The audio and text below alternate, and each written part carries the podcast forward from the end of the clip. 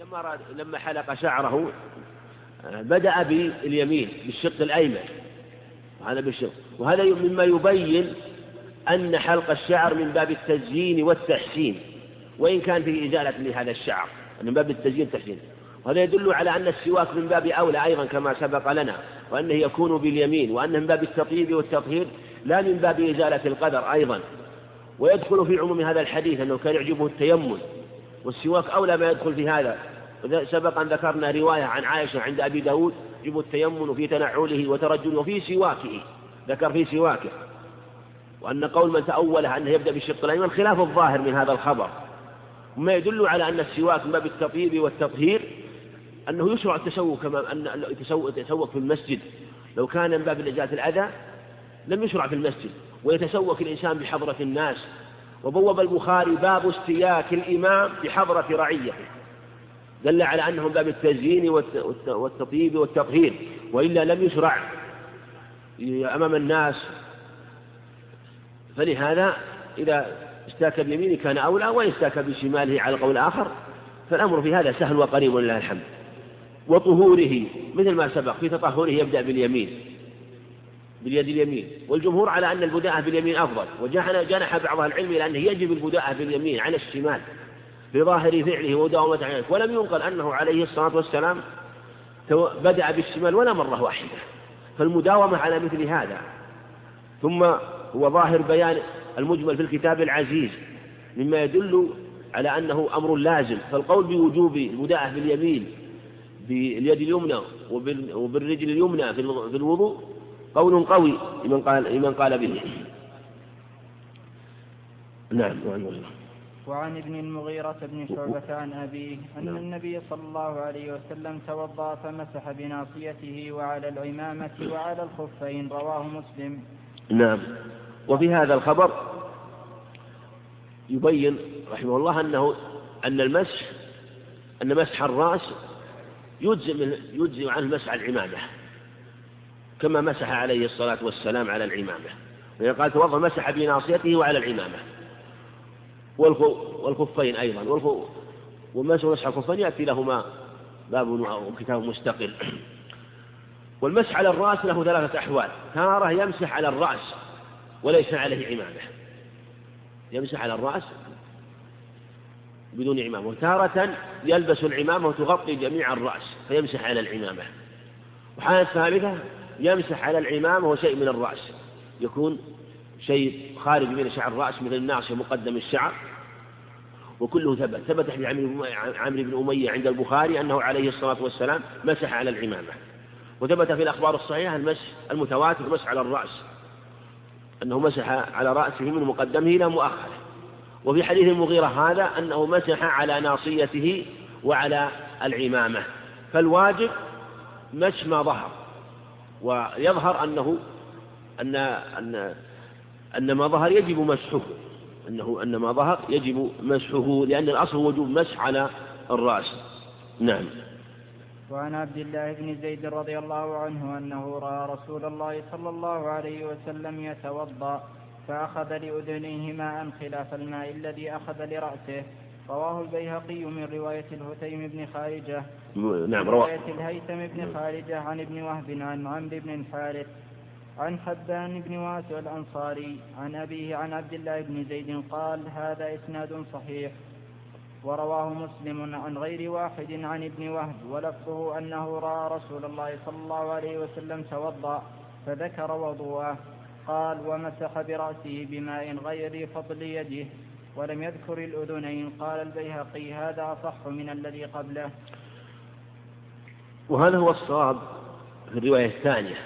أن مسح الأذنين تابع للرأس.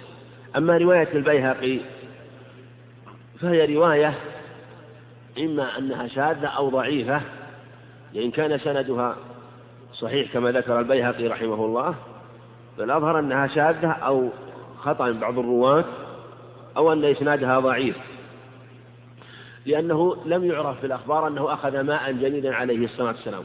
والمعروف أنه من فعل ابن عمر رضي الله عنهما أنه أخذ ماء جديدا لأذنه لأن الأذنين تابعان للرأس ولو أخذه ماء جديد لا بأس بذلك لأن المقصود هو المسح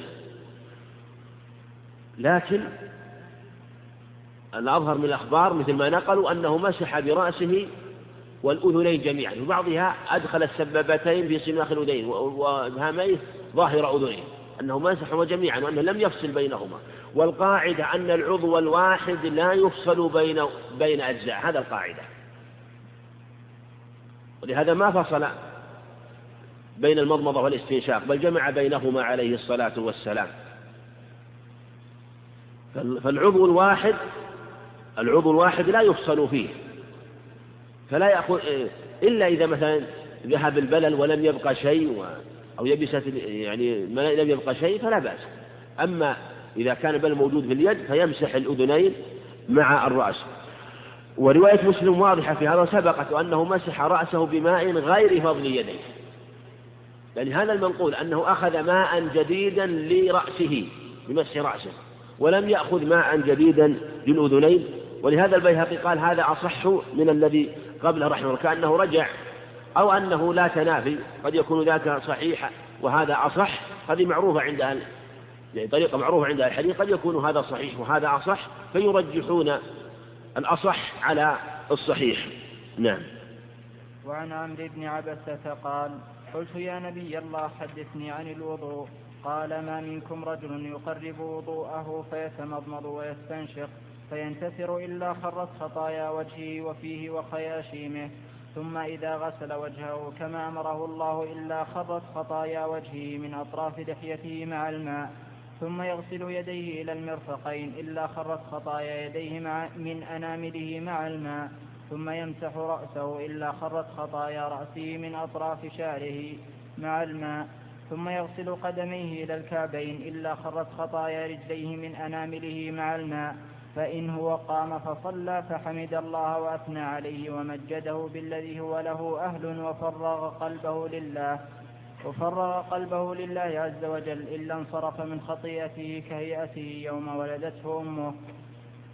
رواه مسلم هكذا ورواه الإمام أحمد في مسنده وابن خزيمة في صحيحه وفيه كما أمره الله تعالى بعد غسل الرجلين. وهذا الحديث في فضل الوضوء وهذا يبين أن الوضوء عبادة عظيمة من, من أعظم العبادات. حتى جاء في هذا الفضل. ولهذا كان الصواب قول جماهير أهل العلم أنه يشترط له النية خلافا للأحناف.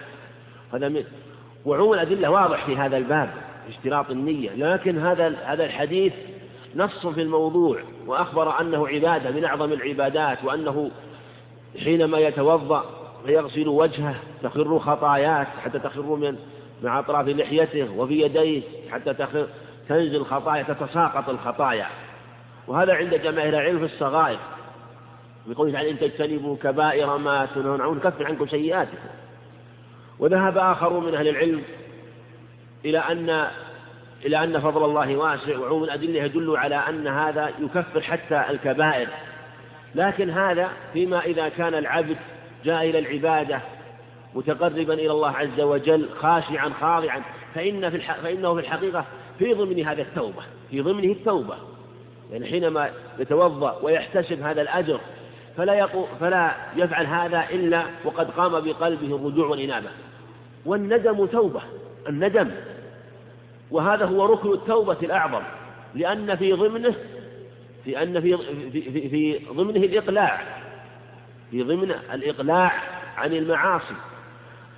ولهذا أخبر أنها تخر الخطايا مع أنامله وكذلك هذا في غسل اليدين وفي غسل وجهه وفي غسل رجليه. ثم ذكر أنه إذا فرغ قلبه لله عز وجل قال وقبل ذلك حمد الله وأثنى عليه بما هو له. هذا يبين أن أنه يشرع الثناء على الله عز وجل في الصلاة وأن دعاء الاستفتاح من آكد الأدعية ولهذا قال ذهب بعض العلم إلى وجوب دعاء الاستفتاح لأنه من أعظم الثناء. أنت حينما تكبر تقول الله أكبر هذا ثناء. على الله عز وجل ويشرع أن تثني عليه وأن تبجله وتعظمه ثناء آخر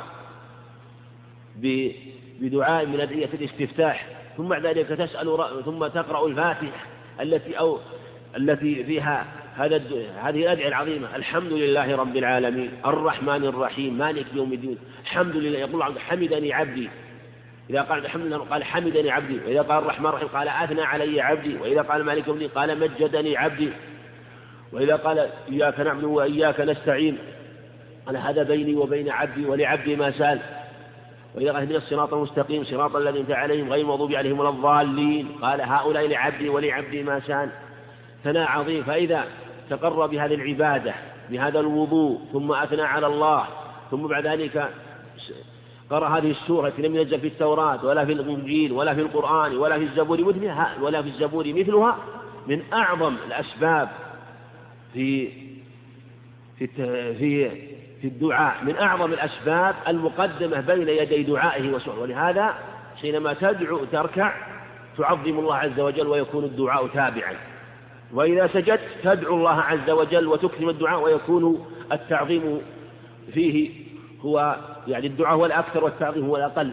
ففي كلا الموضعين دعاء وتعظيم.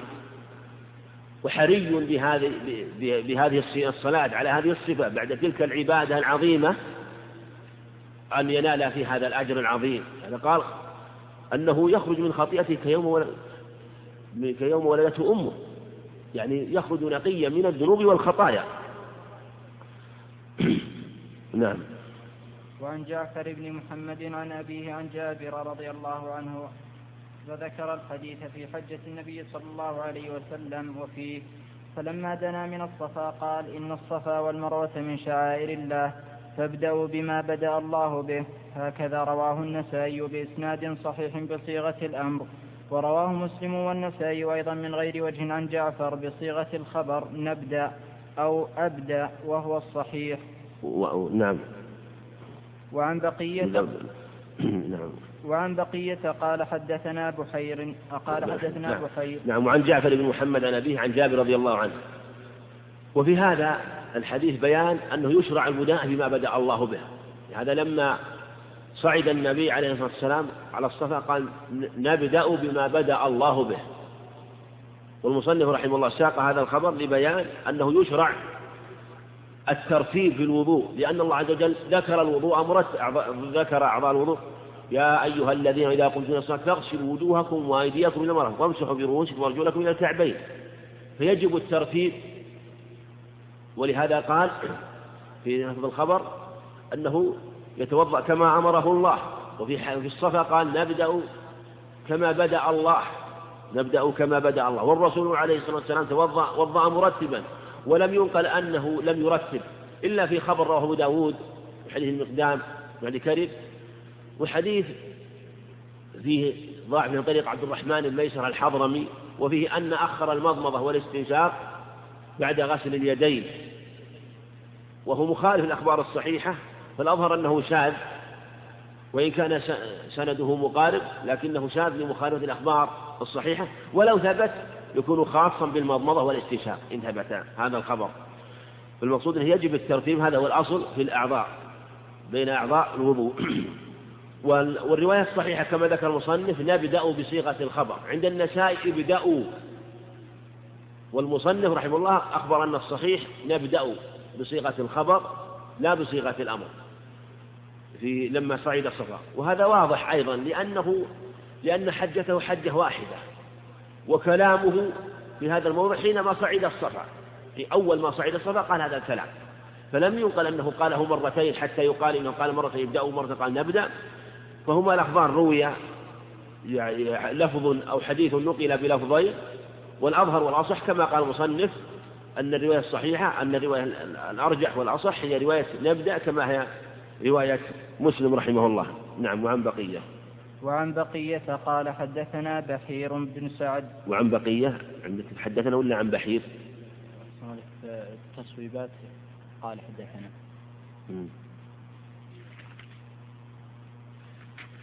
تسويب تسويب تصويبات أن مخطوط وما صرح عند أبي داود. هذا عزاه إلى أبي داود. وصرح بالتحديث لكن ما في تصريح هنا. عزاه إلى أبي داود كما سيأتي. وأبو داود ما ظهر ما صرح عند أبي داود بالتحديث صرح عند غير أبي داود. قد قد يكون خطأ في الأصل. نعم. وعن بقية عن بحير بن سعد عن خالد بن معدان عن بعض أصحاب النبي صلى الله عليه وسلم أن النبي صلى الله عليه وسلم رأى رجلا يصلي وفي ظهر قدمه لمعة قدر الدرهم لم يصبها الماء فأمره النبي صلى الله عليه وسلم أن يعيد الوضوء والصلاة. رواه أحمد وأبو داود وليس عند أحمد ذكر الصلاة. قال الأثرم قلت لأحمد هذا إسناد جيد؟ قال نعم. وعن يراجع ينظر هل صرح عند أحمد؟ وبقية صرح في بعض المواضع صرح بالتحديث في هذا الخبر عند غير أبي داود ومصنف عزاه لأحمد وأبي داود رحمه الله. فالمقصود أن هذا الخبر فيه دلالة على أنه يجب الموالاة في الوضوء. ظاهر. هذا أنه تجب لأن النبي عليه الصلاة والسلام أمره أن يعيد الوضوء والصلاة. لما رأى في قدمه قدر اللمعة لم يصبها الماء. موضع يسير لم يصبه الماء أمره أن يعيد الوضوء هذا صريح في وجوب الموالاة. وأن من توضأ وترك موضعا حتى يبست أعضاؤه فإنه يعيد جميع الوضوء. وإن كانت لا زالت رطبة فيغسل الموضع الذي لم يصبه الماء وما بعده. فلو كانت لمعة مثلا في يده اليمين يمنى يديه يمينه مثلا وأعضاء لا زالت رطبة حتى الآن فإن عليه أن يغسل الموضع الذي لم يصبه الماء ثم يغسل شماله ثم يمسح رأسه وأذنيه ثم يغسل رجليه. وإن كان أعضاءه قد يبست فإن عليه أن يعيد الوضوء والصلاة. ولهذا في ذلك عليه أن يعيد الوضوء. وإن كان صلى فرضا عليه أن يعيد الصلاة. أمر أن يعيد الوضوء والصلاة. وجاء له شاهدان من حديث هنا عن عن بعض أصحاب النبي صلى الله عليه وسلم. وجاء من حديث أنس أيضا عند أحمد وأبي داود. وفي وفيه أما قال أحسن وضوءك. ارجع فأحسن وضوءك. ورواه مسلم أيضا عن عمر بن الخطاب رضي الله عنه أنه أيضا أمره أن يحسن الوضوء. أن يحسن الوضوء. وإحسان الوضوء يظهر أنه يفسر بما جاء في هذا الخبر وهو إعادة الوضوء. ولهذا لم يقل إذهب فاغسل هذا الموضع. ولو كان الواجب هو غسل هذا الموضع بس حسب لكان لكان ذكره أظهر في هذا الموضع لأنه أيسر. لكن لما أجمل له الخبر وقال أحسن وضوءك فالأظهر أن إحسانه لا يكون إلا بإكماله وإتمامه. بإكماله وإتمامه. وأمره وأجمل له في الأمر فيفسر بالرواية الأخرى التي فيها ارجع هو أمره أن يعيد الوضوء والصلاة كما هو مذهب أحمد رحمه الله في وجوب الموالاة في الوضوء. نعم وعن أنس. وعن أنس بن مالك رضي الله عنه قال كان رسول الله صلى الله عليه وسلم يتوضأ بالمد ويغتسل بالصاع إلى خمسة أمداد متفق عليه. وفي هذا أنه عليه الصلاة والسلام كان يقتصد في الوضوء. وأنه كان يتوضأ بالمد. سبق معنا أن المد بعد الرطل وثلث رطل والصاع أربعة أمداد وبالأرطال خمسة أرطال وثلث مطلقا. الصاع خمسة أرطال سواء كان في باب الوضوء أو في باب المسائل الأخرى في إخراج الزكاة والكفارات وغيره فهو خمسة أرطال وثلث. بالرطل العراقي وهو يقارب مئة وثلاثون نحو مئة وثلاثين درهم والدرهم ثلاث ثلاث جرامات كما سبق يعني بجبر الكسر. فهو ماء يسير يتوضأ فكان يتوضأ بالمد هذا هو الأغلب من حاله. وسبق معنى أنه توضأ بثلثي مد عليه الصلاة والسلام. أقل ما يتوضأ بثلثي مد. وجاء في خبر أنه توضأ بنصف المد لكن لا يصح ولا يثبت. إنما اللي ثبت هو ثلثي مد كما في حديث عبد الله بن زيد. وفي حديث أيضا أم عمارة أم عمارة عند أبي داود أنه توضأ بثلثي مد عليه الصلاة والسلام. وفي أكثر وفي الأخبار الأخرى توضأ بالمد واغتسل ويغتسل بالصاع إلى خمسة أمداد. بالصاع إلى خمسة ويدل على أنه ربما زاد على الصاع عليه الصلاة والسلام. وجاء في بعض الأخبار يغتسل يتوضأ بالمد ويغتسل بالصاع. وفي حديث عائشة أنها كانت تغتسل هي والنبي عليه الصلاة والسلام من إناء يقال له الفرق. والفرق يسع ستة عشر رطل. يعني نحو ثلاثة آصع. ثلاثة يعني نحو ثلاثة أو ثلاثة آصع. فهذا يبين أنه ربما زاد على الصاع. وقد يقال إنه التوضؤ من الفرق لا يلزم أن يكون ممتلئا بالماء. قد يتوضأ من الفرق ولا يكون ممتلئا بالماء.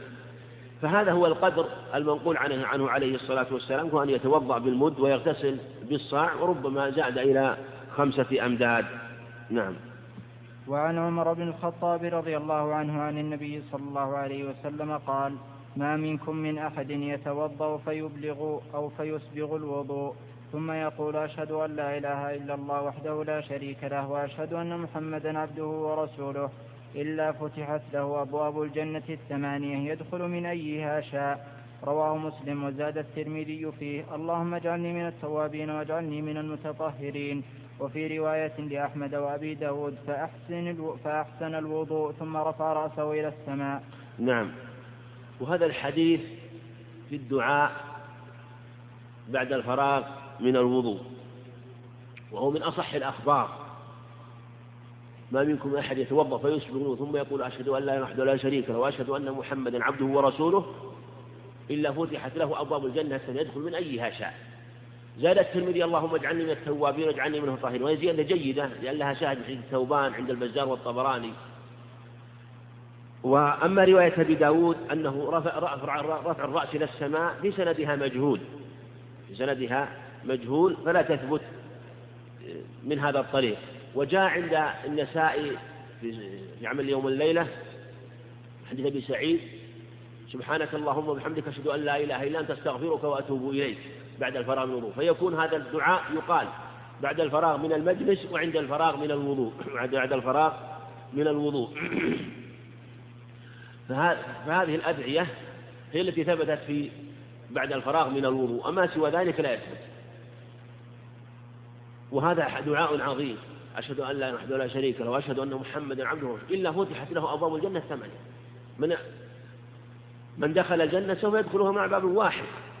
لكنه لإكرام الله له يتهيأ له هذه الأبواب. فيدخل من أيها شاء.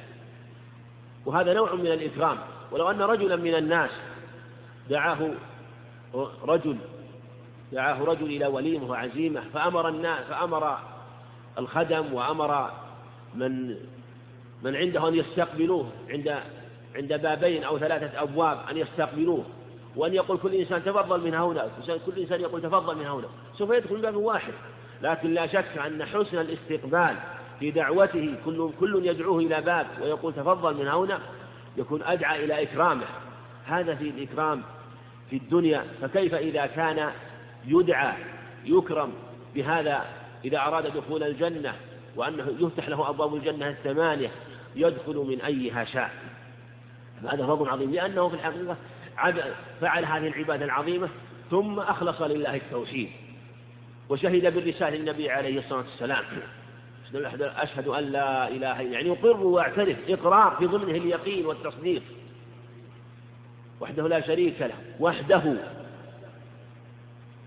لا شريك له. نفي لجميع الإلهية جميع الآية عن, عن, عن غيره سبحانه وتعالى. وأشهد ثم أشهد بالرسالة النبي عليه الصلاة والسلام. فهو دعاء عظيم. بعد الفرغ من الوضوء. نعم ورواه محمد. وروى أبو محمد الدارمي عن قبيصة عن سفيان عن زيد عن سفيان عن زيد بن أسلم عن عطاء بن يسار عن ابن عباس رضي الله عنهما أن النبي صلى الله عليه وسلم توضأ مرة مرة ونضح وهؤلاء رجال الصحيح. ورواه, ورواه عن أبي عاصم عن سفيان ولم يقل ونضح. نعم وهذا الحديث وهذا الإسناد إسناد صحيح كما ذكر ورجال رجال الصحيحين رواية قبيصة عن سفيان عن زيد بن أسلم عن عطاء بن يسار بن عباس. فإنه توضأ مرة مرة ونضح. وهذا من أصح الأخبار في النضح بعد الوضوء. جاءت عدة أخبار في هذا الباب من حديث أبي من حديث أبي هريرة عند الترمذي ومن حديث الحكم بن سفيان أو سفيان بن الحكم عند أبي داود أنه جاءه جبريل وأمره أن ينتضح واختلف العلماء وحديث ابن عباس هذا هو من أصح وهذا يدل على ساعة اطلاع المصنف رحمه الله حيث انتقى هذا الخبر يظهر أنه انتقى هذا الخبر من بين سائر الأخبار الواردة في هذا الباب عند الدارمي مع أن الخبر جاء عند عند عند الترمذي وهو أشهر عند أبي داود. لكن ذكره لهذا الخبر وخصوص هذا الخبر يدل على حفظه رحمه الله وسعة اطلاعه لأنه هو أصح الأخبار الواردة في هذا الباب وجميع ما ورد في إسنادها ضعف. واختلف العلماء في النضح في هذا فقال بعضهم إنه الاستنجاء بمعنى أنه يستنجي بالماء مع الوضوء لأن من عادة العرب أنهم لم يكونوا يعتنون إنما كانوا يعتنون بالتراب. فأمر فأمر النبي عليه الصلاة والسلام أن يجمع بينهم وهذا معروف في الأخبار. لكن جاء ما يدل على أنه النضح بعد الفراغ من الوضوء. ورواية ونضح واضح النضح الرش. ولهذا قال توضأ مرة مرة كأنه فرغ من الوضوء وانتهى من الوضوء ثم نضح. فقال بعض العلم إن هذا يقطع الوسوسة يقطع الوسوسة خاصة من توضأ وفرغ منه. ربما أحس أنه خرج من ذكره شيء خاصة في إذا مع برودة الماء وملاصقة الثوب للفرج مع برودة الماء ربما توهم أنه قد خرج منه شيء فيكون سبيلا إلى الوسوسة. ومن كانت ومن كانت هذه الحال عنده تأكد في حقه النفس بأن ينضح على السراويل أو على الثياب والسراويل فإذا أحس بشيء من هذه الخواطر الواردة أحاله على الماء الذي نضحه على ثوبه. نعم يصح الخبر في هذا والخبر كما ذكر مصنف رجال رجال الصحيح. نعم وعن بريدة. وعن بريدة بن الحصيب رضي الله عنه قال أصبح رسول الله صلى الله عليه وسلم فدعا بلالا فقال يا بلال بما سبقتني إلى الجنة؟ فما دخلت الجنة قط إلا وسمعت خشخشتك أمامي. دخلت البارحة فسمعت خشخشتك أمامي فأتيت على قصر مربع مشرف من ذهب فقلت لمن هذا القصر؟ قالوا لرجل عربي. فقلت أنا عربي لمن هذا القصر؟ قالوا لرجل من قريش. فقلت أنا قرشي لمن هذا القصر؟ قالوا لرجل من أمة محمد. فقلت أنا محمد لمن هذا القصر؟ قالوا لعمر بن الخطاب رضي الله عنه. فقال بلال يا رسول الله ما أذنت قط إلا صليت ركعتين وما أصابني حدث قط إلا توضأت عندها ورأيت أن لله علي ركعتين. فقال رسول الله صلى الله عليه وسلم بهما رواه أحمد والترمذي وهذا لفظه وقال حديث حسن صحيح غريب. نعم والحديث جاء في الصحيحين في قصة بلال عن أبي هريرة أنه قال أخبرني بأرجى عمل عملته في الإسلام. فإني سمعت دفا عليه في الجنة. قال ما توضأت وضوء إلا صليت ركعتين. وقصة عمر رضي الله عنه والقصر الذي رآه النبي عليه الصلاة والسلام ثبت في الصحيحين. لكن ذكر المصنف رحمه الله هذا الخبر عند الترمذي لأنه أوضح وأبين من رواية أبي هريرة في الصحيح. وفي هذا أن رؤياه أنه هذه الرؤيا رؤيا منام. وفي هذا أنه قال يا أبي بما سبقتني. وفيه أنه عليه الصلاة والسلام لما رأى هذه الرؤيا أخبر بلالا بها. وفي أنه كان يحدث أصحابه بالرؤيا عليه الصلاة والسلام. إذا رأى رؤيا كان يحدث وغالبا ما كان يحدث بعد صلاة الفجر. وربما قال هل هل رأى منكم أحد الرؤيا؟ ربما أخبر أصحابه بما رأى عليه الصلاة والسلام. وفيه أن رؤياه وحي لأنه رأى في الجنة وجزم بذلك والخشخشة الخشخشة هي صوت النعل ودف وصوتها قال أنه وفيه أنه رأى قصرا مربع يعني أرباع ليس مدور مشرف أو مشرف مشرف المرتفع والمشرف الذي له شرفات. وفي هذا منقبة لعمر رضي الله عنه منقبة لعمر رضي الله عنه ولهذا قال أنه قال ذكرت غيرتك فلم أدخل قال وعليك أغار يا رسول الله ثم في آخره قال لعمر رضي الله قال لبلال لماذا؟ قال ما أذنت قط إلا صليت ركعتين وما أصابني حد قط إلا صليت ركعتين. وفيه مشروعية الصلاة بعد الأذان مشروعية الصلاة بعد الأذان. وهذا جاء في الأخبار في حديث عبد الله مغفل بين كل أذانين صلاة. وثبت أيضا حديث صحيح عن أنس أن الصحابة رضي الله عنهم كانوا يصلون بعد المغرب وكان الداخل يظن الصلاة قد صليت من كثرة من يصليها. وفيه أيضا مشروعية الوضوء عند كل حدث وهذا يدل على ملازم أن أن هذا الفضل لمن لازم هذه الحال؟ لمن لازم هذه الحال؟ ولهذا في الحديث لا ولا يحافظ على الوضوء إلا مؤمن. فالأظهر أن المراد به هو ما دل عليه الخبر وهو المحافظة عليه. في الصلوات المفروضات والمحافظة عليه إذا أحدث. فإذا كان إذا أحدث توضأ فإن هذا ينشطه للعبادة. ربما دعاه الوضوء لأن الحسنة تجر حسنة تجر أختها تجر أختها وتدل عليها. فربما دعاه هذا إلى الصلاة وربما دعاه إلى الذكر ولو لم يكن إلا ذكر الذي يقال بعد الوضوء. فيه أنه كان يتوضأ أنه يصلي بعد الأذان وأنه كان يصلي ما أصابه حد حدث قط إلا وصلى ركعتين. وفيه أنه كان يعزم على ذلك رضي الله عنه قال ورأيت لله عليه يعني هو رأى لله عليه أنه, أنه حق لله وإن لم يكن واجبا لكن خضوعا وامتثالا لأمر الله عز وجل بالتقرب إليه بالطاعة ويسابق ذلك كان يصلي ركعتين. فأخبر عليه الصلاة والسلام أنه أن دخوله الجنة ورؤيات ورؤياه في الرؤيا له أن أنه حاز الفضل بذلك بهاتين الخصلتين وفيها أن بعض الأعمال وإن كانت يسيرة قد تبلغ بصاحبها هذه المنازل في الجنة والله أعلم. نقف على باب مسح الكفين نعم.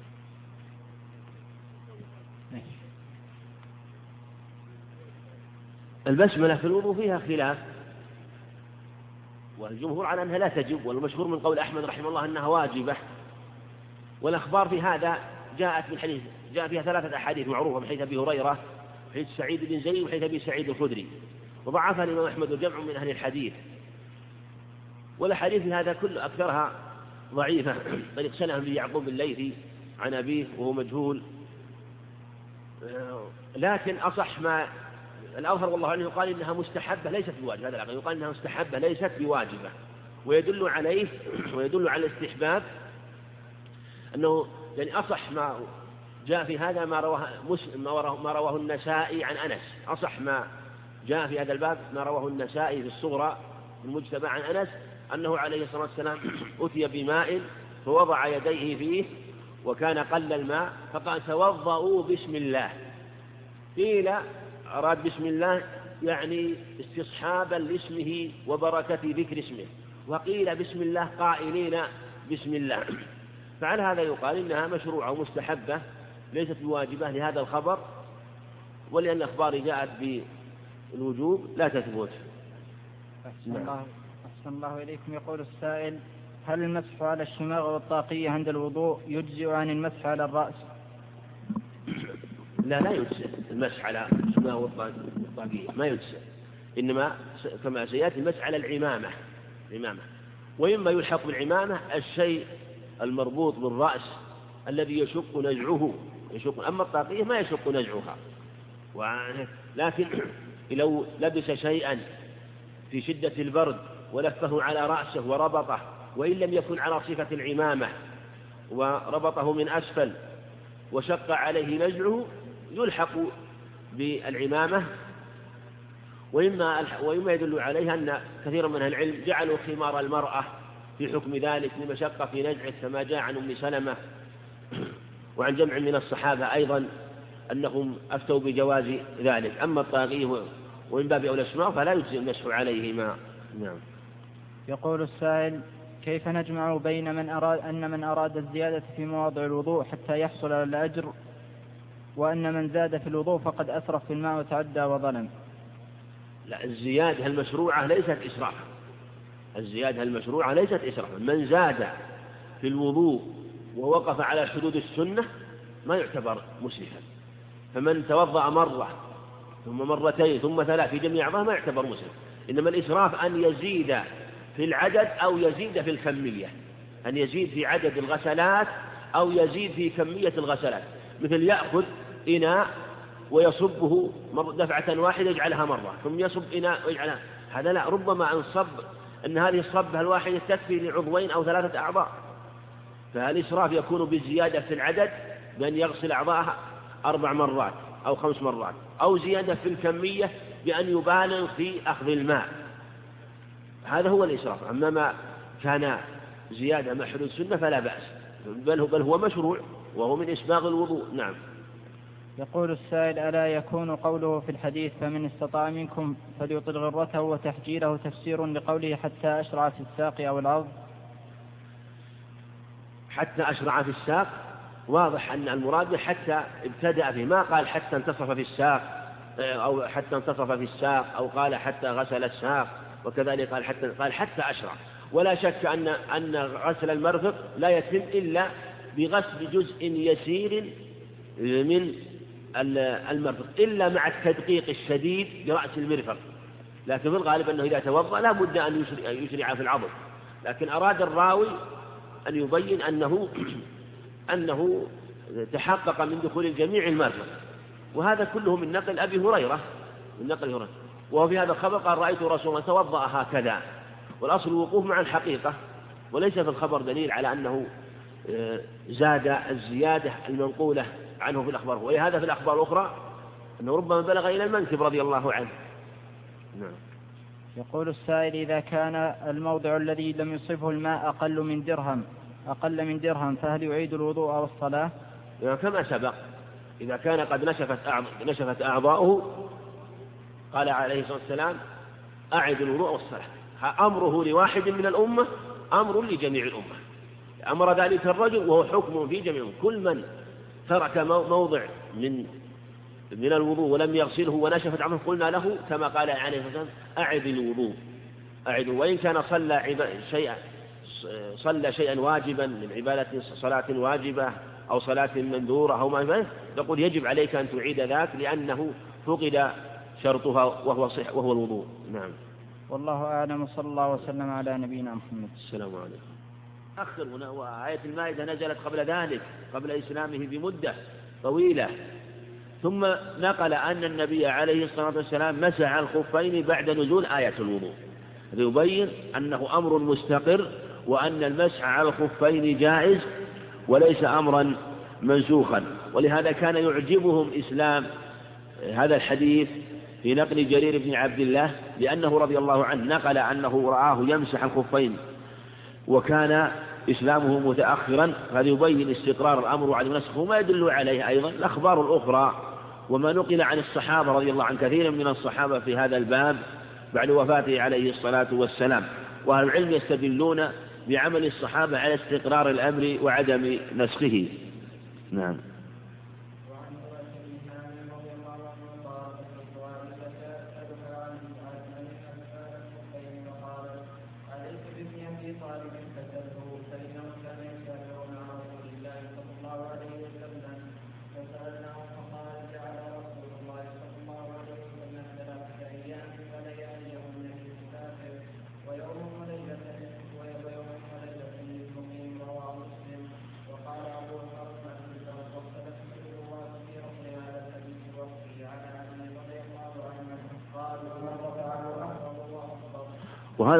هو الصواب أنه مرفوع ومحفوظ مرفوعا عن النبي عليه الصلاة والسلام ورواه مسلم رحمه الله واعتمد رفعه وفيه أنه سأل عائشة رضي الله عنها عن المسح الخفين فقالت سل علي.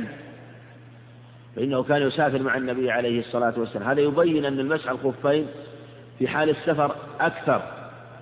وأنه ويظهر من كلامه أنه كان ملازما لذلك لهذا قال سل علي فإنه كان يسافر معه عليه الصلاة والسلام. فسأل فأخبر أنه جعل للمقيم للمسافر ثلاث أيام ولياليهم وللمقيم يوما وليلة. وللمقيم يوم وليلة واللفظ الآخر يمسح كما سيأتي. والمسافر يمسح ثلاثة أيام كما سبق لنا. والمسح في حق المسافر وفي حق المقيم اختلف في ابتدائه. هل هو من الحدث هل هو من يعني من من اللبس من الحدث أو من اللبس بعد الحدث أو من المسح خلاف بين في هذا والأظهر والأقرب أنه أن البدء المسح يبتدئ أن المسح يبتدئ من من المسح لأن جاء جاءت الأخبار يمسح. يمسح المسافر يمسح المقيم. فإذا ابتدأ المسح مثلا أحدث وتوضأ الساعة الصباح مثلا مثلا الساعة الثامنة صباحا. ولبس الخف. بعدما توضأ وغسل قدمه ولبس الخف. ثم حضرت صلاة الظهر. فتوضأ ومسح على خفيه الساعة الثانية عشر. مثلا. نقول يبتدئ المسح من الساعة الثانية عشر. إذا كان مقيما يمسح إلى الغد الساعة الثانية عشر. أربعا وعشرين ساعة يوما وليلة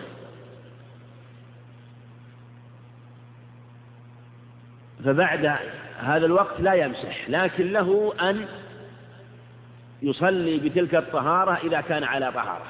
لو جاءت الساعة الثانية عشر وهو على طهارة من الفجر أو طهارة من الضحى أو توضأ قبل الساعة الثانية عشر ومسح له أن يصلي بعد الساعة الثانية عشر.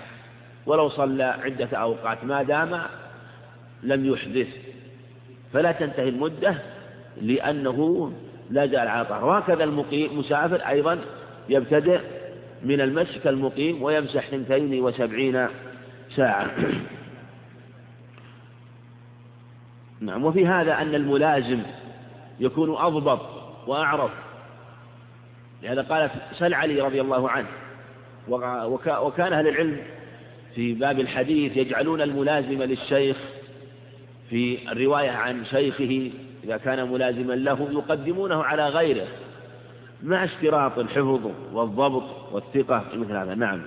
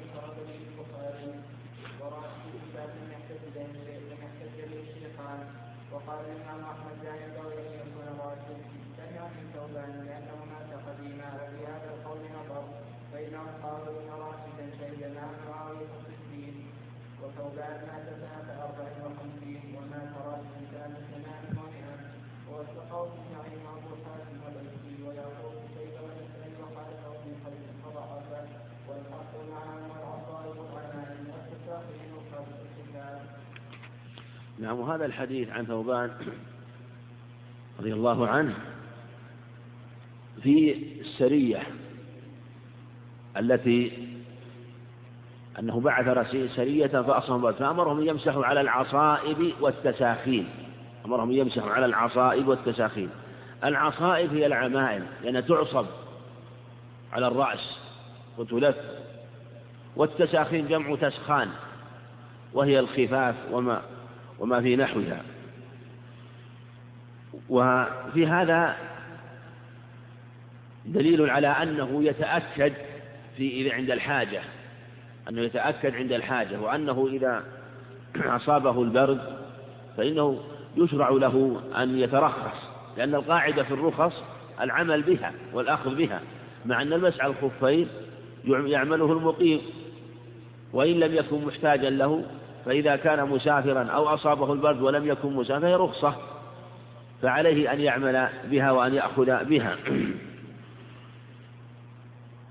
وكذا والحديث ليس على شرط مسلم ولا على شرط أحدهما فإنه من راشد بن سعد عن ثوبان راشد بن سعد المقرائي. والمشهور عند جمهور المحدثين أنه لم يسمع منه أنه لم يسمع منه بل هو منقطع. والمصنف رحمه الله كأنه توقف في هذا ومال إلى السماع ولهذا قال وفي هذا القول نظر لأن راشدا شهد.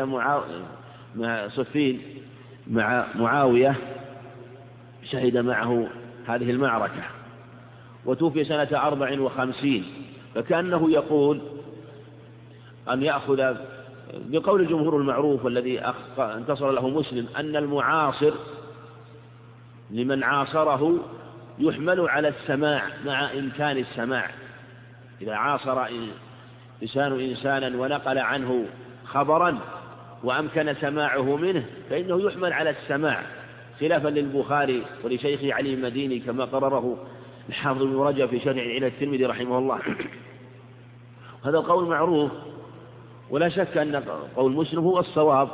رحمه الله هو قول جمهور جمهور علماء المحدثين والفقهاء في أنه يحمل على السمع هو الذي عليه عمل كثير في في باب الرواية. لكن قوله هذا في قوله وفيه نظر هذا النظر فيه نظر أيضا لأن هذا لأن هذا السماع أو أنه من من عاصر إنسانا وناقل عنه رواية يحمل على السماع إذا أمكن ذلك كما سبق بشرط ألا ينفي إمام واسع الرواية عدم السماع. فإذا جاء إمام ونفى السماع وقال مثلا إن راشد بن سعد لم يسمع من ثوبان فإنه لا فإنه يقال بعدم السماع. فنحن نقول أن المعاصر المعاصر إذا روى عنه فإن نحمله عن السماع إذا لم ينفه إمام مع أنه مع أن سماع راشد بن سعد نفاه. كثير بعض الحفاظ كأبي حاتم وإبراهيم الحربي وإمام أحمد رحمه الله فنفيهم له لا يكون عن اطلاع. فعلى هذا يقال إنه الأظهر أنه لم يسمع منه كما هو كما قال الإمام أحمد رحمه الله وغيره. ولا شك أيضا أن أنه ثقة كما قال جمهور المحدثين خلافا لابن حزم وابن حزم رحمه الله له له كلمات وعبارات يخالف فيها ويخطئ فيها رحمه الله. حتى سماه بعضهم من جنيق الغرب. فهو ربما ركب الشطط فوقع في الوهم والغلط رحمه الله في كلامه على الأخبار وكلامه على حديث وهذا معروف لمن طالع كتابه المحلى رحمه الله. نعم.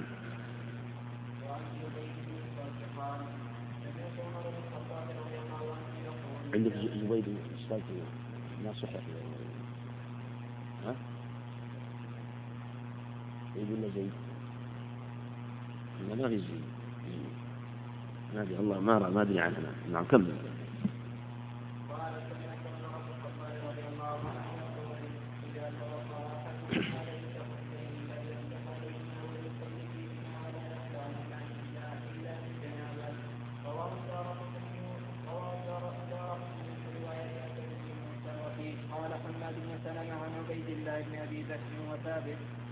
عن انس عن النبي صلى الله عليه وسلم مثله وأسد بن موسى والسخو العجلي والنسائي والبزار وخالفهم ابن حزم فقال هو منكر الحديث. والصواب مع الجماعة وقال الحاكم في المستدرك بعد ذكر حديث عقبة بن عامر خرجت من الشام. وقد روي عن أنس مرفوعا بإسناد صحيح رواته عن آخرهم ثقات إلا أنه شاذ بمرة. ثم أخرج حديث أنس المتقدم وقال فيه على شرط مسلم. نعم. وهذا الخبر عن عمر رضي الله عنه فيه فيه ضعف ولكن جاء عن أنس رضي الله عنه ورجال رجال الصحيح لكنه ليس مرفوعا موقوف كما جاء عن عمر رضي الله عنه. وهذا المعنى دل عليه الخبر عنه عليه الصلاة والسلام دل عليه الخبر في أنه إذا يشترط لمسح الخفين أن يتوضأ وأن يلبسه بعد كمال الطهارة. فإذا توضأ ولبس الخفين مسح. إذا توضأ ولبس الخفين مسح. ولا يشترط على الصحيح كما لا يشترط أن يمسح جميع الرجلين فلو أنه توضأ فمسح فغسل اليمنى فلبس. ثم مسح ثم غسل اليسرى فلبس. صحيح أنه يمسح. ولا يشترط أن ينتظر حتى يعني حتى يغسل اليسرى. الجمهور يقولون إذا توضأ فغسل اليمنى ثم لبس.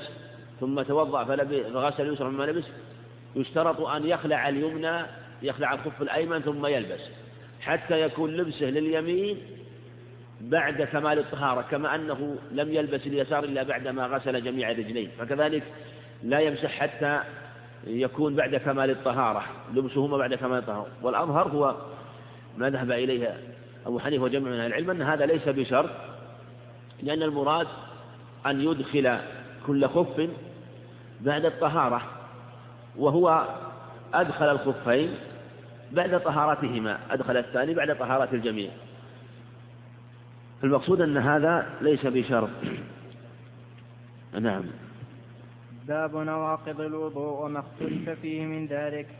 وعن أنس وعن أنس بن مالك رضي الله عنه قال أقيمت صلاة العشاء فقال رجل لي حاجة فقام النبي صلى الله عليه وسلم يناجيه حتى نام القوم أو بعض القوم ثم صلوا.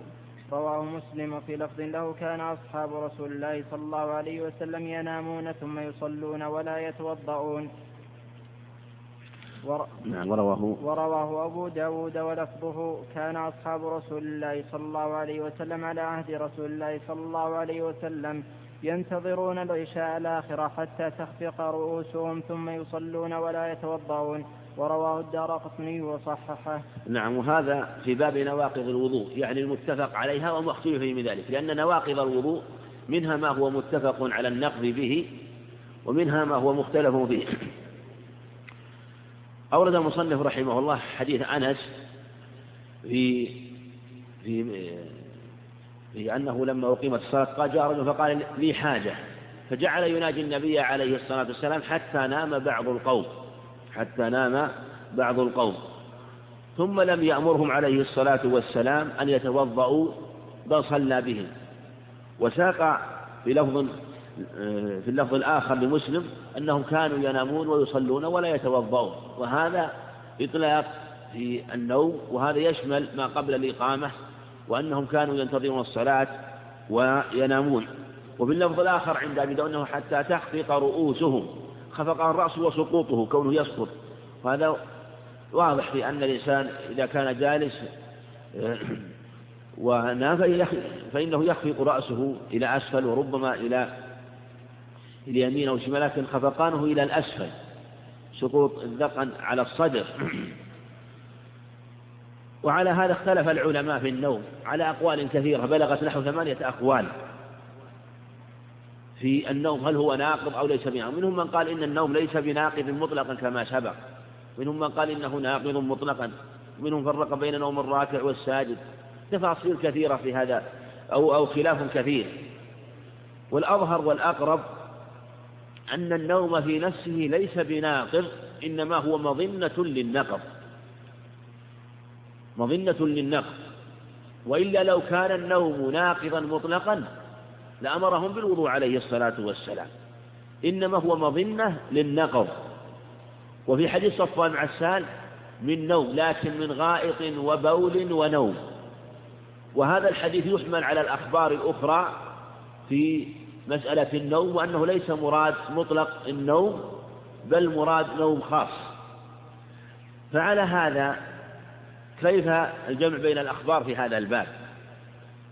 فالأظهر ما سبق أن النوم ليس بناقض إنما هو مظنة النقض ومظنة الحدث لأن النائم إذا استغرق في النوم لا يشعر بنفسه فربما خرج منه صوت وربما خرج منه ريح ولا يشعر بنفسه. ولهذا في حديث معاوية حديث علي العينان وكاء السهي. فإذا نامت العينان استطلق استطلق الوكاء أو استطلق الوكاء فبين أن العينان كالوكاء السهي حلقة الدبر وأنهما يحفظان الإنسان إذا كان مستيقظا كما يحفظ الوكاء كما يحفظ كما تحفظ القربة التي تربط بالوكاء يعني بالخير. فهو ليس بناقض في نفسه إنما هو مظنة للنقض. فعلى هذا نقول من نام وغلب على ظنه عدم الحدث فليس فلا ينتقض وضوءه. وهنا جاءت الأخبار أن الصحابة رضي الله عنهم كانوا ينتظرون الصلاة وينامون. وفي حديث ابن عمر قال عمر نام النساء والصبيان. وكذلك جاء في حديث عائشة الصحيحين. وفي حديث أنس هذا. كلها متكاثرة في بيان أنه لم يأمرهم بالوضوء. فمن نام فعل هذا من نام وغلب على ظنه أنه متمكن من نفسه ولم يحدث فإنه ليس بمحدث. فنوم الجالس ينتظر الصلاة والمتمكن من جلوسه هذا يغلب على أنه لم يحدث لأنه لو حصل منه شيء في الغالب لا لا لانتبه ويدل عليه أنها تخفق رؤوسهم أنها تخفق وسيأتي في رواية أنهم يضعون جنوبهم في الأرض. أما إذا تمكن النوم منه واستحق مسمى النوم وغلب عليه أو استلقى ونام فإنه في هذه الحق يغلب على الظن أنه لا يتمكن من نفسه ولو أحدث فإنه لا يشعر بنفسه فنقول إنه يتوضأ لأنه يغلب على الظن أنه وجود الحدث ولو وجد الحدث فإنه لا يشعر. هذا هو الأظهر في هذه المسألة. نعم وسيأتي خبر في هذا الباب؟ نعم. وفي رواية عند البيهقي لقد رأيت أصحاب رسول الله صلى الله عليه وسلم يوقظون للصلاة حتى إني لا أسمع لأحدهم غطيطا ثم يقومون فيصلون ولا يتوضؤون. قال ابن المبارك هذا عندنا وهم جلوس وقد روي في الحديث زيادة تمنع ما قاله ابن المبارك إن ثبتت. رواها يحيى القطان عن شعبة عن قتادة عن أنس رضي الله عنه قال كان أصحاب رسول الله صلى الله عليه وسلم ينتظرون الصلاة فيضعون جنوبهم فمنهم من ينام ثم يقوم إلى الصلاة. قال قاسم بن أصبغ حدثنا محمد بن عبد السلام الخشني قال حدثنا محمد بن بشار قال حدثنا يحيى بن سعيد القطان قال حدثنا شعبة فذكره. قال ابن القطان وهو كما ترى صحيح من رواية إمام عن شعبة فاعلمه. وقد سئل أحمد بن حنبل رحمه الله عن حديث أنس أنهم كانوا يضطجعون. قال ما قال هذا شعبة شعبة قط. نعم قال ما قال هذا؟ قال ما قال هذا شعبة قط. وقال حديث شعبة كانوا ينامون وليس فيه يضطجعون. وقال هشام كانوا ينعسون. وقد اختلفوا في حديث أنس. وقد رواه أبو يعلى الموصلي من رواية سعيد عن قتادة ولفظه يضعون جنوبا فينامون. منهم من يتوضأ ومنهم من لا يتوضأ. وهذه الرواية مثل ما سبق عند البيهقي يسمع لأحدهم غطير. وهذا أيضا قد يقع للإنسان وإن لم يكن نومه عميقا خاصة إذا كان متمكنا. فعلى هذا لا ينتقض الوضوء بمثل هذا لا ينتقض أما ما جاء من الروايات أنهم يضعون جنوبهم في الأرض فهذا فيه نظر. الرواية فيما يظهر من جهة من جهة الصناعة الحديثية جيدة وهذا السند الذي رواه محمد بن السلام الخشني إسناد صحيح من رواية شعبة عن قتادة ورواية شعبة عن قتادة جيدة وقتادة وإن كان مدلس لكن قتادة لا يروي شعبة لا يروي عن قتادة إلا ما كان مسموعا. وقد كفانا تدليس ثلاثة. قال شعبة كفيتكم تدليس ثلاثة قتادة وأبا إسحاق السبيعي والأعمش. وهو إذا روى عن هؤلاء الثلاثة فإنه محمول عن السماع وإن لم يصرحوا بالسماع. لأنه لا يروي عنهم إلا المسموع. فالظاهر هو صحة هذه الزيادة فإن لم يقل بشذوذها فيقال إنهم يضعون جنوبهم في الأرض ولا يلزم من وضع الجنب في الأرض أن يكون غطى في نومه لأن من من تمدد على الأرض يسمى نائم وإن كان لم يغلبه النوم يسمى نائم. ولهذا قال عليه الصلاة والسلام وصلاة النائم على النصف من صلاة القاعد المراد بالنائم المضطجع يعني. فمن اضطجع يسمى نائما. يضعون جنوبهم لأجل أن يرتاحوا. فهذا لا ينافي الأخبار الأخرى إن صحت هذه الرواية. نعم. مع أن توقف فيها الإمام أحمد رحمه الله وقال ليس فيه يضطجعون ومن أثبت حمله على هذا المعنى. نعم. وعن هشام بن عروة عن أبيه عن عائشة رضي الله عنها قالت جاءت فاطمة بن أبي حبيش إلى النبي صلى الله عليه وسلم فقالت جاءت فاطمة نعم. جاءت فاطمة بنت, بنت أبي حبيش إلى النبي صلى الله عليه وسلم فقالت يا رسول الله إني امرأة أستحاض فلا أطهر أفادع الصلاة؟ فقال لا إنما ذلك عرق وليس بحيض. إنما إنما إنما ذلك عرق. ذلك أحسن ذلك لأن الخطاب اليوم بس ويجوز الخطاب العموم ذلك ذلك عرق نعم. إنما ذلك عرق وليس بحيض فإذا أقبلت حيضتك فدع الصلاة وإذا أدبرت فاغسلي عنك الدم ثم صلي. متفق عليه وزاد البخاري وقال أبي يعني عروة ثم توضئي لكل, لكل صلاة حتى يجيء ذلك الوقت. وروى النسائي الأمر, الأمر بالوضوء مرفوعا من رواية حماد بن زيد عن هشام وقال لا أعلم أحدا ذكر في هذا الحديث ثم توضئي غير حماد بن زيد وقال مسلم في حديث حماد بن زيد زيادة حرف تركنا ذكره وقد تابع حمادا أبو معاوية وغيره وقد روى أبو داود وغيره ذكر الوضوء من طرق ضعيفة. المصنف رحمه الله ذكر هذا الخبر في باب نواقض الوضوء يبين أن الاستحاضة من نواقض الوضوء وأن الاستحاضة لها حكم خاص غير حكم الحيض. ولهذا جاءت فاطمة بنت أبي حبيش فقالت يا رسول إني امرأة مستحاض فلا أفأدع الصلاة؟ قال إنما ذلك عرق وليس بحيض. أخبرها أنها عرق وليس بحيض. وأمرها بالوضوء كما في الرواية الثانية. وأمرها أيضا أن تعمل على حكم الطاهرات حتى يأتيها ولهذا قال فإذا أقبلت فدعي الصلاة. وإذا أدبرت فاغسلي عنك الدم وصلي. إذا أقبلت يعني أقبلت الحيضة يعني أقبل الدم. إذا أقبلت يعني أقبل الحيضة أقبل الدم. لأن هذا الدم ليس دم حيض. أو أقبل يعني أقبلت صفة الحيض. لأنها في الحقيقة مستصحبة للدم.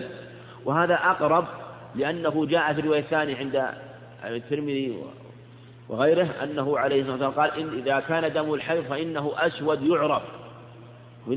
يعني تعرفه النساء أو يعرف له رائحة خاصة. فالمراد بإقباله إما إقبال ذات الدم أو إقبال صفته لأن المستحاضة الدم معه مستمر. فإذا أقبل على الصفة الخاصة فأمسكي عن الصلاة حتى تطهر من ذلك الدم الذي على صفة الحيض. ثم تغتسل وتصلي. أما الاستحاضة فإنها نوع من المرض وليس دم طبيعة وجبلة إنما نوع من المرض. فلهذا عليها أن تعمل على حكم الطاهرات. ولهذا تحل لزوجها والصلاة أعظم. إذا وجبت عليها الصلاة والصوم فالصلاة إذا إذا إذا يعني وجبت عليها الصلاة فالصلاة أعظم وأكبر. فالأمور أخرى من بضعة زوجها لا كذلك أيضا. ثم أمرها أن تتوضأ. وهذه اللفظة وتوضأ لكل صلاة اختلف العلماء فيها. بعضهم قال إنها من قول عروة لكن جاء عند النسائي أنها من رواية من رواية حماد أيضا ومن رواية هي هنا من رواية عروة وجاءت أيضا من رواية حماد فعلى هذه رواية جيدة رواية جيدة. وقول النسائي آه، هنا المقصود أنها زيادة جيدة كما رواها كما ذكرها عروة كما ذكرها عروة. آه، فعلى هذا عليها أن تتوضأ لكل صلاة. هل تتوضأ لكل صلاة أو لوقت كل صلاة؟ أو لوقت كل حملوا قول ثم توضئي لكل صلاة على مجاز الحد وقالوا المعنى على لوقت كل صلاة. لكن هي كلما مر بها فرض يجب عليها أن تتوضأ. فإذا دخل وقت الظهر توضأت. توضأت حتى يحضر وقت العصر. فإذا حضر وقت العصر تتوضأ مرة ثانية.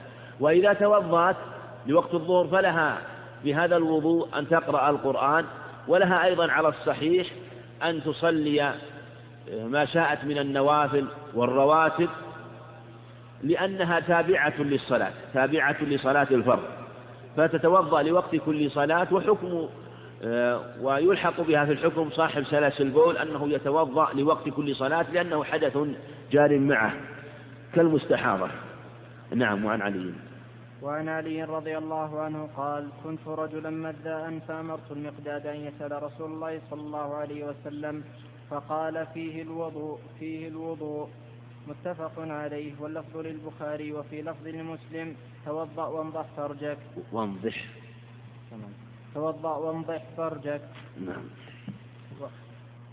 وعن عائشة رضي الله عنها قالت قال رسول الله صلى الله عليه وسلم صل المستحاضة ولو قطر الدم على الحصير رواه الإمام أحمد والإسماعيلي ورجاله رجال الصحيح. نعم وهذا الخبر عن علي رضي الله عنه قال كنت رجلا مذاء فاستحييت وسألت أنا في اللفظ الآخر أنه استحي أن يسأل النبي عليه الصلاة والسلام فأمرت المقداد أن يسأله فأخبر أن فيه الوضوء. وهذا فيه دلالة على أن المذي ينقض الوضوء وهو محل إجماع من أهل العلم. وفي دلالة على أن المذي نجس أيضا وهو محل اتفاق منهم لأنه أمر أن يغسل أن يغسل ذكره وأن يتوضأ. فأمره بالوضوء يدل على وجوب الوضوء منه أنه حدث. وأمره بغسل الذكر يدل على نجاسته. آه، و و وفيه أنه قال استحييت لمكان ابنة النبي عليه الصلاة والسلام أن يتزوج فاطمة لأن في الغالب لا يكون إلا عن ملاعبة الأهل أو أو وقوع الشيء بين الرجل وزوجه وأهله فاستحيا لأنها ابنة النبي عليه الصلاة والسلام ومثل هذا يستحيا منه. ف وفي هذا أنه أمر المقداد وفي الرواية الثانية عند النسائي وغيرها أنه أمر عمار بن ياسر وفي رواية أخرى أنه سأل فيحمل أنه أمرهما ثم أراد أن يستثبت فسأل النبي عليه الصلاة والسلام. وفيه أيضا أنه في الرواية أنه أمره أن يغسل ذكره قال يغسل ذكره ويتوضأ فيجب أن يغسل الذكر. ثم الواجب أن يغسل جميع الذكر لعموم هذا الدليل. ولا ولا يجزي أن يغسل طرفه الذي عليه النجاسة والمذي أو ما أصاب. لا يغسل الجميع.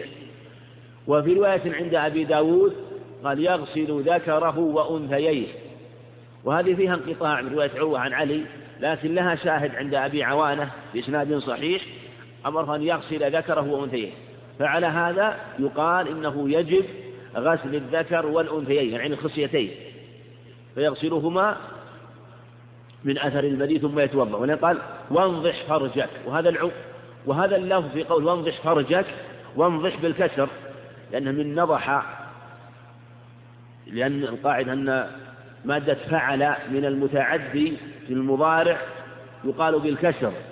نضح ينضح من ضرب يضرب رمى يرمي. إلا إذا كان حرفا من حروف الحلق الحرف الثاني أو الثالث. فإنه لا يكسر مثل قطع يقطع فتح يفتح. فيقال بالفتح في المضارع لأن حروف الحلق الهمزة والهاء والعين والحاء والغين والخاء. فما كان حرف إذا كانت عين الفعل أو لامه إذا إذا كانت من حروف الحلق ولو كان متعديا فإنه في حال المضارع يفتح وسطه. أما إذا كان من غير حروف الحلق فإنه يكسر. ولهذا قال توضأ وانضح فرجك فأمره بالنضح عليه الصلاة والسلام. وعموم هذا الخبر يدل على أنه يدخل فيه يدخل فيه الخصيتان جميع لعموم قوله الفرج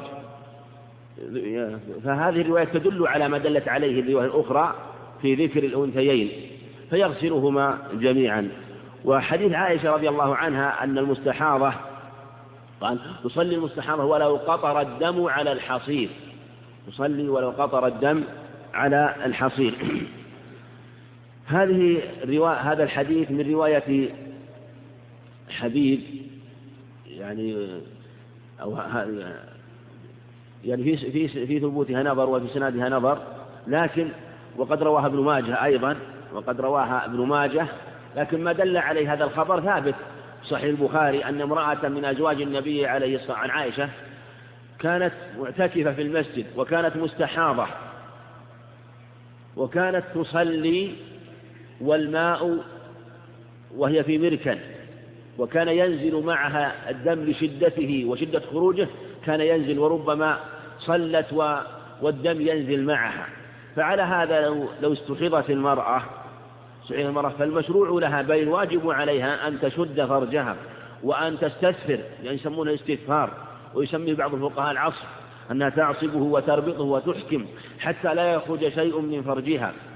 لكن لو أنه غلبها لكثرته أو عدم وجدان ما تربط به وتعصب به فإنه يعني لا يكلف الله نفسا إلا وسعها لا يكلف الله نفسا إلا ما أتاها. قال عليه الصلاة والسلام إذا أمرتكم بأمر فأتوا, فأتوا منه ما استطعتم.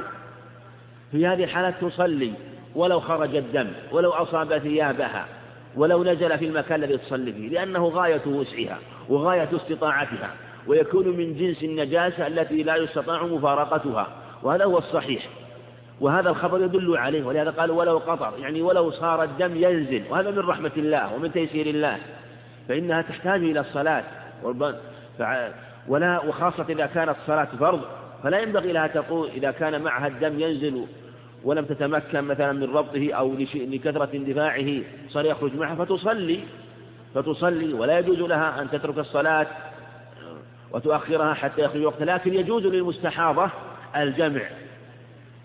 الجمع يجوز لها كما أمر النبي عليه الصلاة والسلام بذلك حمنة امرأة طلحة بن عبيد الله بذلك أمرها تجمع الظهر والعصر والمغرب والعشاء. نعم. وعن عروة بن الزبير عن عائشة رضي الله عنها أن رسول الله صلى الله عليه وسلم قبل بعض نسائه ثم خرج إلى الصلاة ولم يتوضأ. كذا رواه الإمام أحمد ورجاله مخرج لهم في الصحيح وقد ضعفه البخاري وغيره. نعم وهذا الحديث ضعفه جمع من أهل العلم قالوا لأنه فيه انقطاع. وقد رواه أبو داود أيضا بإسناد فيه انقطاع. لكن جاء من طرق أخرى وقد رواه الإمام أحمد رحمه الله بإسناد صحيح من رواية وكيع عن هشام بن عروة عن أبيه عن عائشة رضي الله عنها. هذا إسناد صحيح. وفيه أنه عليه قبل بعض نسائه ثم خرج إلى الصلاة. فيما كان عليه الصلاة والسلام من من حسن الخلق مع نساء حتى وهو خارج إلى هذه العبادة العظيمة. وهي الصلاة يعامل أهلها بمثل هذه المعاملة الحسنة. فيقبل أهله. ولهذا في الرواية الأخرى قال ما قلت ما هي إلا أنت. يعني عائشة فضحكت. ثم يخرج إلى الصلاة. وفي دليل أن القبلة لا تنقض الوضوء وأنه إذا قبل فإنه لا ينتقض الوضوء ولو كان عن شهوة على الصحيح لهذا الخبر ثم الأصل عدم النقض ولا يقال إن هذا ناقض أو أن هذا مفسد للوضوء إلا بدليل ومن قال إن هذا ناقض أو أنه مفسد نقول ما الدليل عليه فالأصل صحة الوضوء ثم جاء هذا الدليل مؤيد للأصل أما قوله تعالى أو لامستم النساء في القراءة الأخرى أو أو لمستم النساء فالمراد بذلك الجماع. هذا هو المراد بذلك. كما صح ذلك كما جاء عن ابن عباس. قال ولكن الله يكني والأخبار ومهما قيل في الآية ومهما جاء في اختلاف فالآية فلا فالأخبار عنه عليه الصلاة والسلام. توضح وتبين وتفسر القرآن وتوضحه. نعم ولها قال ولم يتوضأ. يعني من بيان يعني من باب البيان التام والكامل في أنه آه، خرج إلى الصلاة بعدما قبل أهله عليه الصلاة والسلام. نعم. وعن أبي هريرة رضي الله عنه قال قال رسول الله صلى الله عليه وسلم إذا وجد أحدكم في بطنه شيئا فأشكل عليه أخرج منه شيء أم لا؟ فلا يخرجن من المسجد حتى يسمع صوتا أو يجد ريحا رواه مسلم. وهذا حديث عظيم أصل عظيم وقاعدة عظيمة في الأصل في البقاء على اليقين. ولهذا استنبط العلماء من ذلك قاعدة حيث قالوا إن اليقين لا يزول بالشك فالأصل اليقين أو الشك لا يزيل اليقين. وهذا رواية أبي هريرة عند مسلم. وجاء معناه في الصحيحين عن عبد الله بن زيد شك إليه الرجل يجد شيء في الصلاة قال لا ينصرف حتى يسمع صوتا أو يجد ريحا. والمعنى حتى يتحقق الحدث هذا المراد. وإلا قد لا يسمع لكونه لا لكون في ابنيه وقر وثقل فلا يسمع وقد يكون أخشما لا يشم فلا فليس المراد أنه يشم حقيقة يشم حقيقة أو يسمع المراد هو وجود ذلك يعني حتى يجد صوتا أو حتى آه، يتحقق من الصوت أو من خروج الرائحة منه في هذه الحالة آه، عليه أن يتوضأ. وفيه أنه لا يجوز له الخروج من بالشك. والأحوال والأحوال وهنا عدة أحوال. الحال الأول أن يتيقن الطهارة أو يتيقن الحدث. فإذا تيقن أحدهما عمله فإن تيقن الطهارة فلا يجوز له الخروج. أو تيقن فلا يجوز له العمل بهذا الشك. يعني يتوضأ على لأجل الشك. أما كونه يتوضأ من باب تجديد الوضوء ومن باب الطهارة ومن باب النشاط هذا أمر مشروع طيب لكن المراد أنه يتوضأ لأجل الشك. كذلك أيضا لو كان في المسجد لا يشرع له الخروج لأجل أن يتوضأ فلا يخرج من المسجد فبقاؤه المسجد وجداره للصلاة وبقاؤه على هذه الحال أفضل له. فالحال الأولى يتيقن الطهارة ويتيقن الحدث. حال ثاني أيضا أن يغلب على ظنه أحدهما أن يغلب على ظنه أحدهما يغلب على ظنه الحدث أو يغلب على ظنه الطهارة. فنقول لا عبرة بغلبة الظن مع اليقين في هذه الأحوال. فلو أنه أحد فلو أنه توضأ وتيقن الوضوء ثم بعد ذلك شك شك وحصل عنده أعلى من الشك غلب الظن أو رجحان غلب على ظنه يعني ليس مجرد شك وهو التساوي لا غلب على ظنه الحدث لكنه هو متيقن في الأصل الطهارة فلا تلتفت إلى غلبة الظن لقوله عنه فلا ينصرف أنه قال لا ينصرف نفسه حتى يسمع صوتا أمر أنه لا يخرج ولا يعمل بالشك ولا بغلبة الظن حتى يزول اليقين بيقين مثله لا بد أن يزيل اليقين يقين مثله فيزول فيزيل يقين الحدث يقين الطهارة يقين الحدث أو يقين الحدث يقين الطهارة. الحال الثالث إذا شك فيهما جميعا شك في الحدث والطهارة. يقول أنا أو أو يعني الحال الثالث تيقنهما جميعا. يقول أنا أتيقن أني متطهر سبق لي أنني تطهرت وتوضأت. وأتيقن أني أحدثت. يعني وقع مني الوضوء والحدث جميعا لكن لا أدري أيهما أول. هل الوضوء أول فأحدث فأكون محدثا الآن؟ أو الحدث سابق للوضوء فتوضأت فأكون متطهرا الآن؟ شك تيقنهما جميعا. ماذا يعمل؟ المذهب يقولون ينظر إلى حاله قبلهما. إلى حاله قبل يقين الحدث. فإن كان قبل يقين الحدث ويقين الطهارة محدث فهو فهو الآن بضدها فهو متطهر الآن. وإن كان متطهر فهو محدث. فجعلوا الحدث والطهارة كأنهم قالوا ينظر إلى الحال ويجعل ما سبق هو الواقع. فإن سبق الحدث فالطهارة هي المتأخرة وإن سبق الطهارة فالحدث المتأخر هكذا قالوا. والأظهر والله أعلم أن, أن, هذا فيه فيه نظر أن هذا فيه نظر. لأن في الحقيقة يجوز أن يكون وقع منه حدثان وطهارتان. قد ينظر إلى حاله قبلهما فيكون أحدث وقد يكون أحدث حدثا آخر. قد يكون ذاك الحدث حدث آخر غير الحدث هذا. فهذا في نظر فيكون شاكا في الحقيقة. فالأقرب أنه إذا تيقنهما جميعا أنه يجب عليه أن يعمل إذا تيقنهما جميعا فيجب عليه الطهارة لأننا لا نتيقن آه، ليس عندنا يقين من طهارته فيجب عليه أن يتطهر. نعم. وعن بسرة بنت صفوان أن رسول الله صلى الله عليه وسلم قال من مس ذكره فليتوضأ. رواه أحمد وأبو داود وابن, وابن ماجة والنسائي والترمذي وابن حبان في صحيحه وقال البخاري أصح شيء في هذا الباب حديث بسرة. نعم حديث ثاني وعن أبي هريرة رضي الله عنه قال قال رسول الله صلى الله عليه وسلم إذا افضى أحدكم بيده إلى فرجه ليس دونها حجاب فقد وجب عليه الوضوء. رواه أحمد والطبراني وهذا لفظه والدار وابن حبان والحاكم وصححه وعن قيس بن طلق الحنفي عن أبيه قال كنت جالسا عند النبي صلى الله عليه وسلم فقال رجل مسست ذكري. أو قال الرجل يمس, يمس ذكره في الصلاة. يمس ذكره في الصلاة عليه وضوء. قال لا إنما هو بضعة منك. رواه أحمد. وهذا لفظه أبو داود وابن ماجة وابن حبان والنسائي والترمذي وقال هذا الحديث أحسن شيء روي في هذا الباب. وقال الطحاوي هو مستقيم الإسناد وجعله ابن المديني أحسن من حديث بسرة وقد تكلم فيه الشافعي وأبو زرعة وأبو حاتم وغيرهم. وأخطأ من حكى الاتفاق على ضعفه. وقد روى الطبراني بإسناده وصححه عن قيس بن طلق عن أبيه عن النبي صلى الله عليه وسلم قال من مس فرجه فليتوضأ وإسناده لا يثبت. نعم. هذه الأخبار في مس الذكر وهل ينقض أو لا ينقض. ذكر مصنف رحمه الله حديث بشرة بنت صفوان رضي الله عنها أن رسول الله صلى الله عليه وسلم قال مس ذكره فليتوضأ.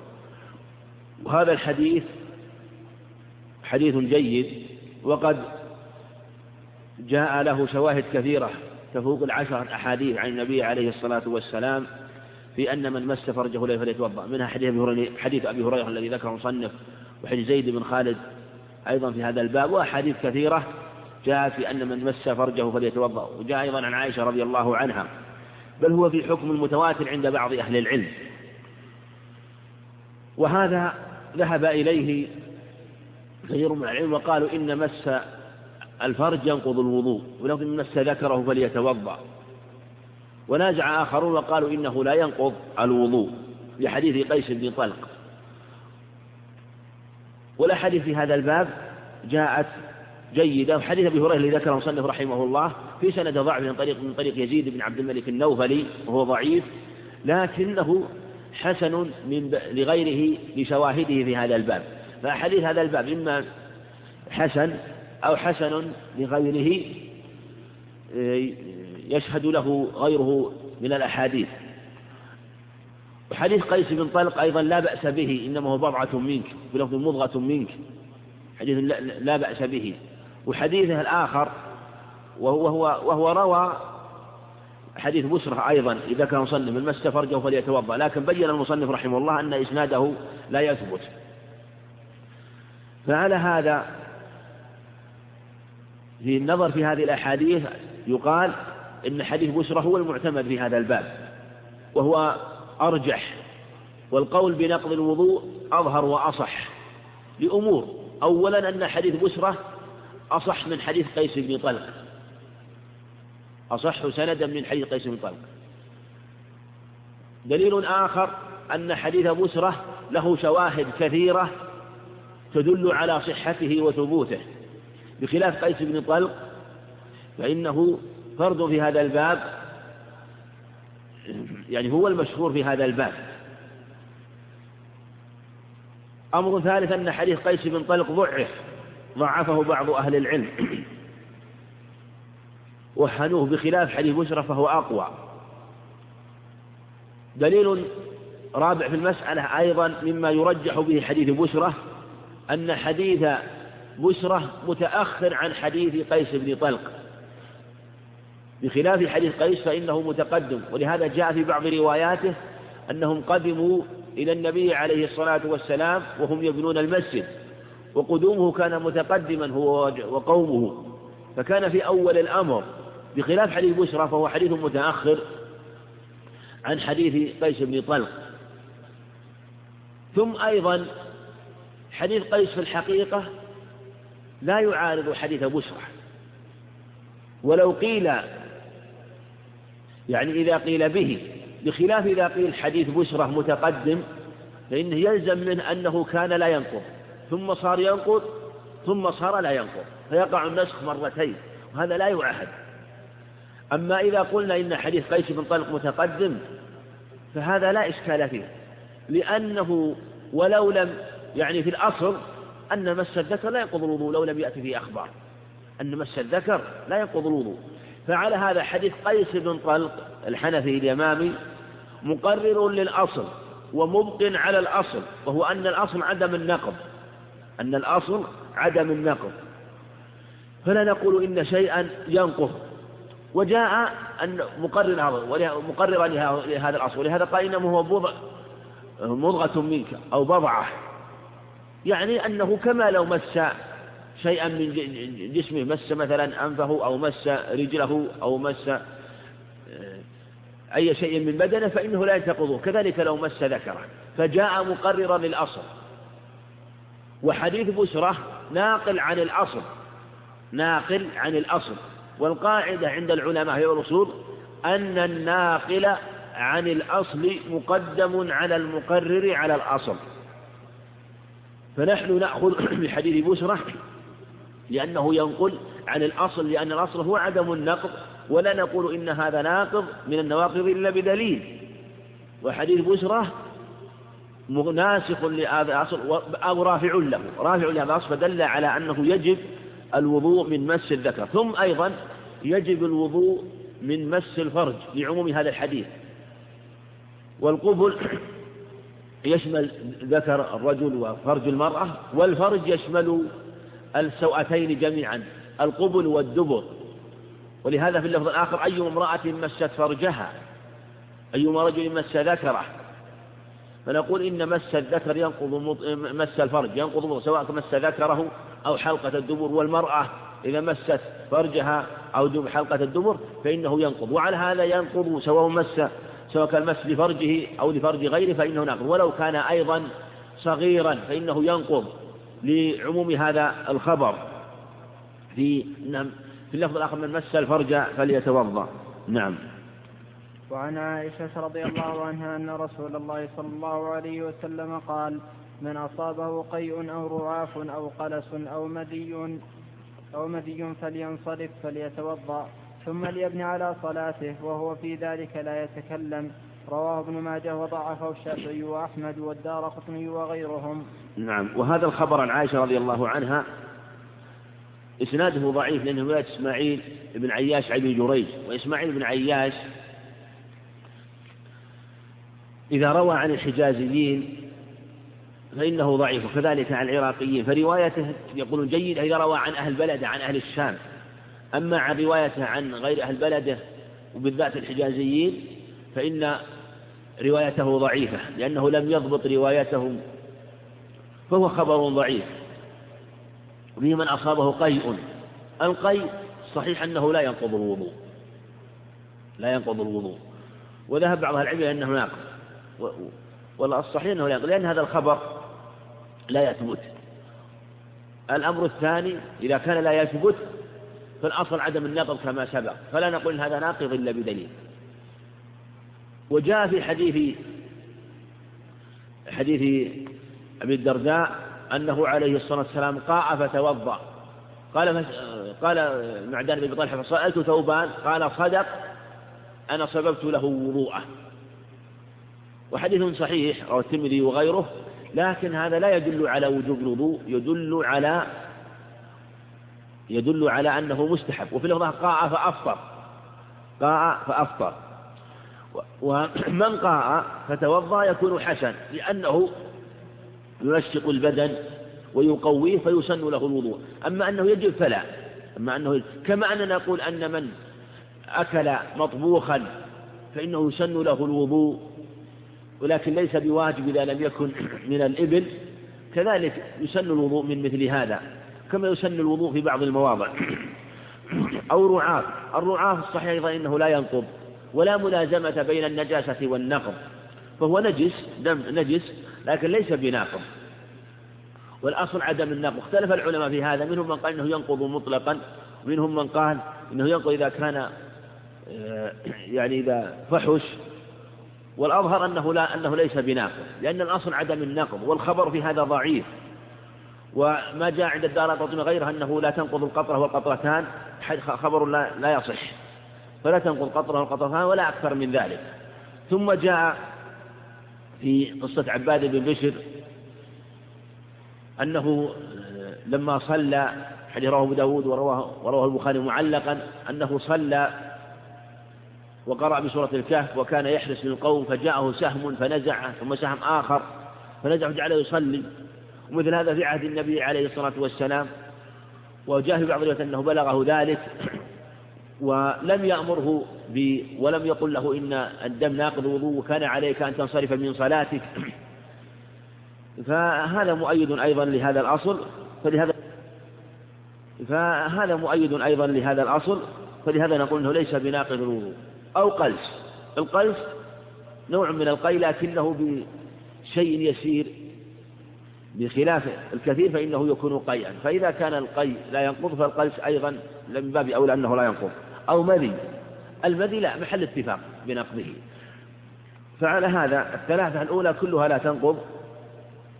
يعني على الأظهر والأصح أما المذي فقد صح الخبر عن علي رضي الله عنه أنه عليه الصلاة والسلام أمره أن يتوضأ بل أمره أن يغسل ذكره وأنثيه.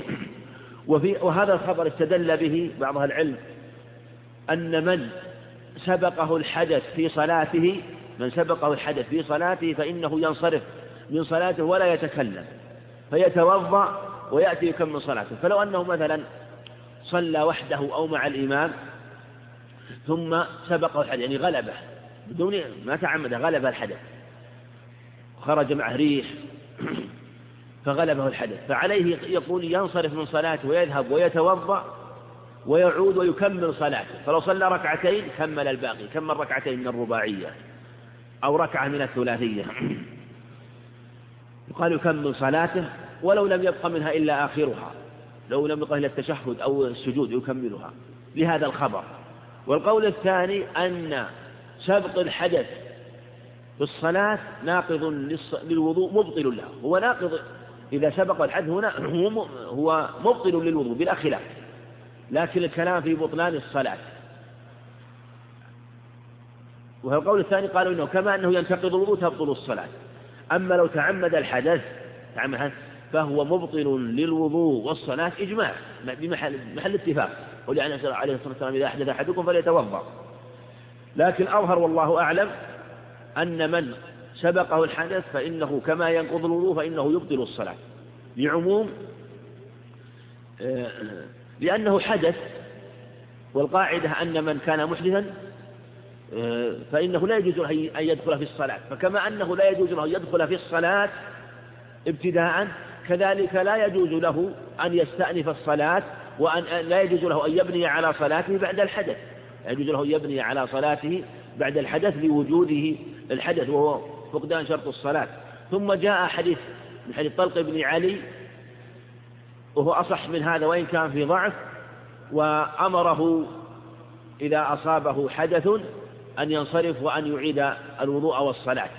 وهو أصح من هذا الخبر. وفيه أمره بإعادة الوضوء فعلى هذا نقول إن من سبقه الحدث فعليه أن ينصرف فيتوضأ ثم يعيد الصلاة ولو كان من آخرها. أما لو كان إماما ووقع من ذلك فإنه لا يؤثر على صلاة من خلف بل يكملون الصلاة أو يكمل, أو يكمل بهم أحد المأمومين وصلاتهم صحيحة ولا تبطل بذلك. نعم وعن جابر بن سمرة. وعن جابر بن سمرة رضي الله عنه أن رجلا سأل رسول الله صلى الله عليه وسلم أتتوضأ من لحوم الغنم؟ قال إن شئت فتوضأ وإن شئت فلا تتوضأ. قال أتوضأ من لحوم الإبل؟ قال نعم فتوضأ من لحوم الإبل. قال أصلي في مرابض الغنم. قال نعم. قال أصلي في مبارك الإبل. قال لا. رواه مسلم. وهذا وهذا الحديث جاء له شاهد بحيث البراء بن عازم عند أحمد وأبي داود بإسناد صحيح. وله أيضا طريق آخر حديث بالغرة الجهني. وجاءت أخبار أيضا عدة كثيرة في هذا الباب في الأمر. قال أتوضأ في أنا أتوضأ من لحوم الإبل؟ قال نعم.